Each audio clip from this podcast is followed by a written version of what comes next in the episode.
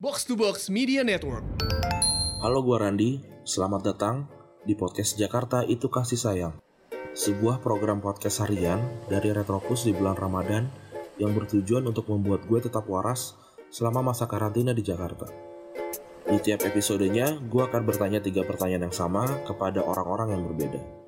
Mari kita dengarkan sebuah cerita baru dari orang yang baru.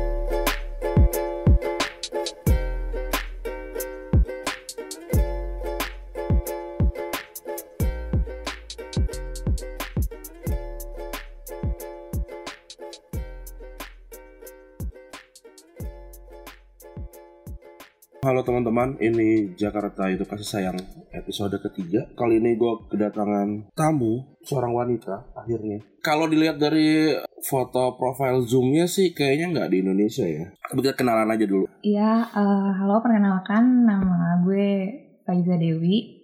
Eh, panggilannya Fai. Oke, Fai, lu nggak nggak di Indonesia ya?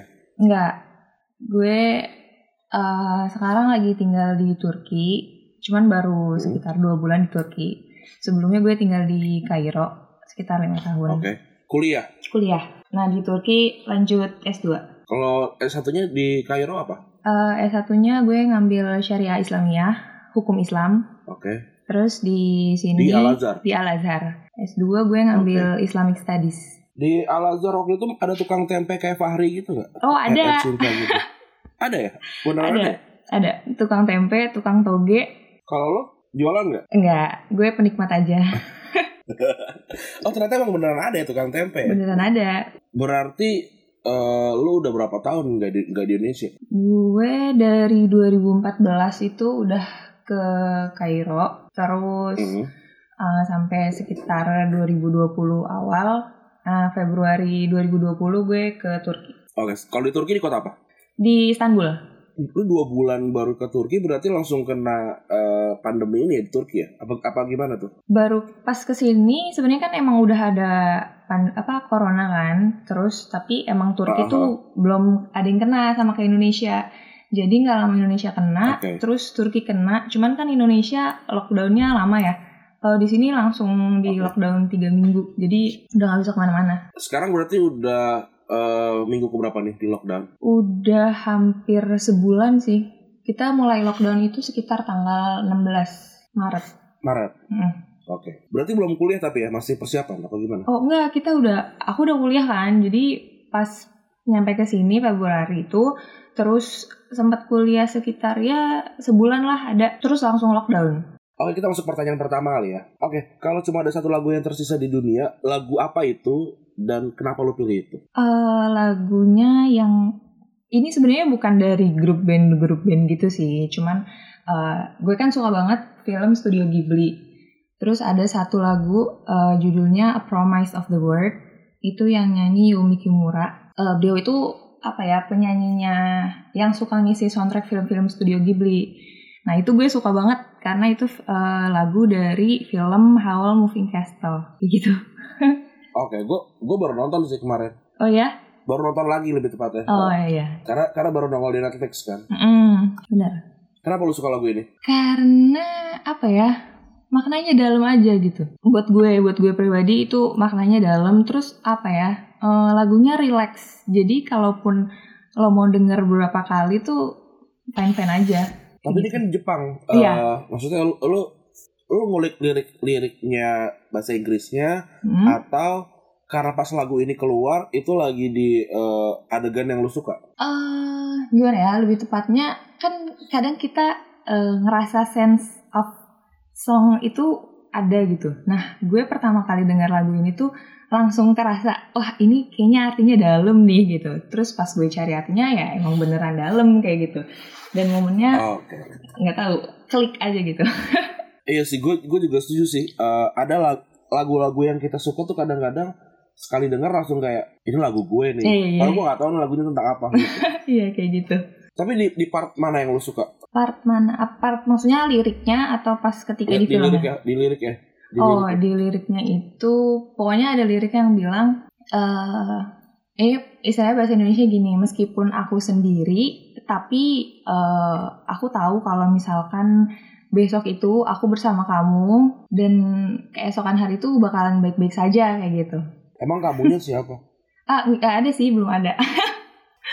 Oke, apa ya? Yang yang yang gua kan gua gua kemarin juga ngobrol sama satu orang yang yang juga nggak tahu tuh Hah? kamunya siapa gitu waktu waktu dia ceritain lagunya. Tapi lu ngebayangin ngebayangin apa waktu itu? Ngebayangin siapa? Siapa atau apa? Eh, nggak tahu ya, gue nggak ada bayangan sih kamunya siapa. Cuman kayak eh orang itu bakalan orang yang bakalan gue percayain kehidupan gue selanjutnya gitu, maksudnya masa depan gue gitu. Hmm. Dan ya menyenangkan aja gitu, bisa tahu kalau misalkan ada orang yang bakalan nerima gue gitu. Wow, jadi curhat. Oke, oke lanjut pertanyaan kedua ya. Ya. Apa sih pedoman lu dalam menjalani hidup dalam bentuk quotes, mantra atau ayat kitab suci gitu? Terserah bisa lu pilih. Eh, kalau buat gue pribadi pedoman eh, kebetulan emang pedoman yang gue pegang itu dari Al-Qur'an gitu kan. Hmm. Eh, ayatnya eh, walatai asu mirohillah itu artinya jangan berputus asa pada rahmat Allah karena yang kita tahu rahmat Allah itu kan sangat luas dan sangat besar gitu kan apalagi Hmm. untuk seorang muslim kan gimana sih sama namanya Tuhan gitu. Harus percaya gitu meskipun dan emang nggak tahu gimana ya tiba-tiba ketika gue udah pegang ayat ini gitu buat diri gue sendiri buat nggak boleh eh, putus asa kemudian ya tetap harus bangkit gitu. Buku-buku yang gue temuin kayak buku self improvement kemudian eh, gue juga baca bukunya Buya Hamka itu ya sebenarnya nggak jauh-jauh dari ngajarin hal kayak gitu jadi kayak semuanya berkaitan nyambung kayak gitu Lu tipe orang yang baca buku kayak gitu, kayak self improvement terus segala macam. Oh ya. Eh, dulu sih gue sukanya fiksi kan. Fiksi sebenarnya Oh. masih suka kayak bukunya Haruki Murakami kayak gitu-gitu. Terus habis kayak gitu nggak tahu lambat laun mungkin karena udah umur 20-an ngerasa masalah kayak banyak gitu. Terus ya mulai beralih ke baca buku self improvement aja sih. Sebelum ke Kairo, Mm-mm. sekolah apa? Asrama, pesantren Ya, something gitu. gue di pesantren di Banten. Gue juga pesantren BTW. Iya, gue kan sering denger podcast sama ini, Gunjing.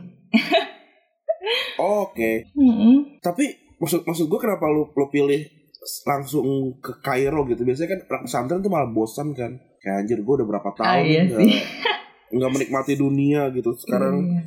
lu pilih pilih hal yang nggak jauh beda gitu sekolah sekolah agama lagi kenapa gue penasaran juga apa ya Eh, kalau misalkan sejujurnya nih gue dulu pas udah lulus terus habis kayak gitu gue tuh udah daftar gue coba SNMPTN gue coba SBM tapi nggak ada yang keterima gitu terus Oke. ketika gue coba di Al Azhar eh, jadi gue setelah seminggu lulus dari pesantren gue eh, ada belajar gitu di daerah Bojonegoro terus habis itu kayak pelatihan kayak gitu kan Terus ya alhamdulillah cuman al, istilahnya cuman Al Azhar doang yang nerima gue sebagai mahasiswanya. Berangkatlah gue ke Kairo. Kayak gitu.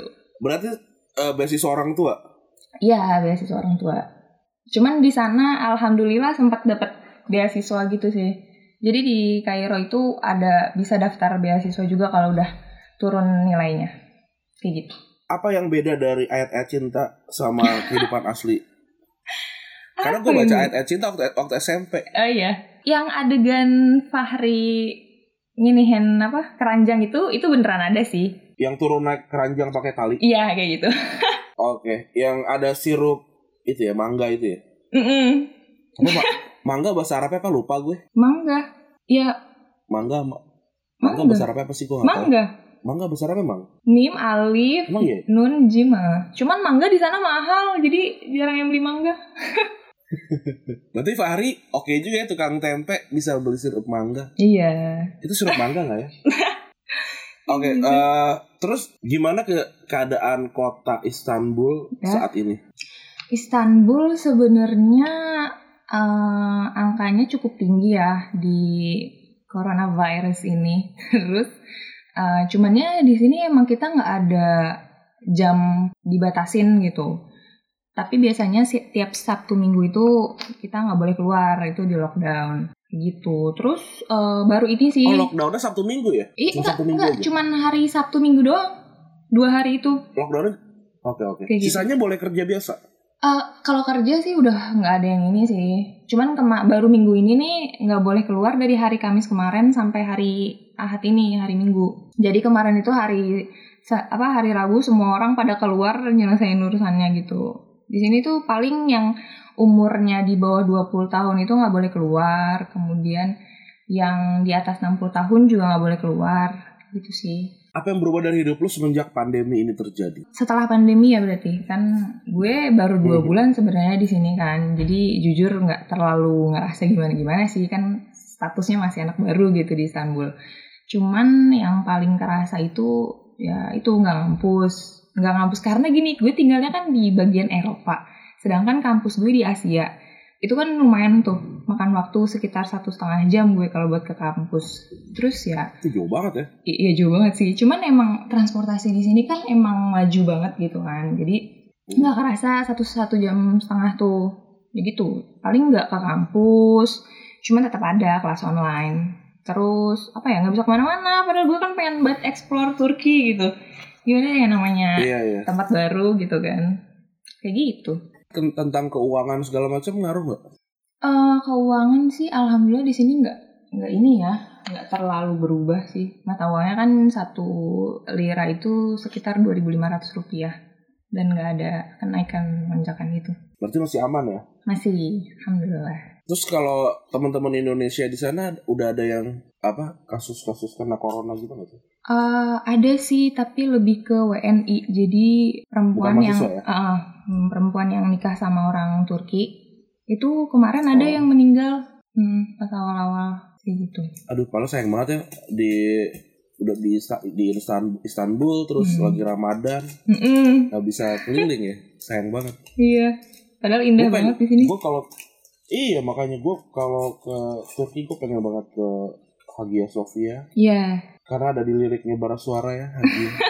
Tapi sebelum itu gue juga suka sih. Iya Eh, terus juga Kapadokia. Hmm, Kapadokia. Hmm. iya itu yang kalau zaman dulu beli- apa bikin kacamata tuh kan pakai kayak ngelihat ini kan balon udara kan. Nah, kayaknya kayaknya itu di Kapadokia deh nggak tahu deh gue gue juga nggak tahu. gue belum sampai sono Oke. sih nantilah. jauh ya dari Jauh. Istanbul Lumayan jauh, bisa naik pesawat. oke Luar oke kota. oke oke Hmm. oke ya udah eh, terima kasih Faye ya Ya, sama-sama. Terima kasih kembali. makasih udah dengerin juga teman-teman bye bye Bye.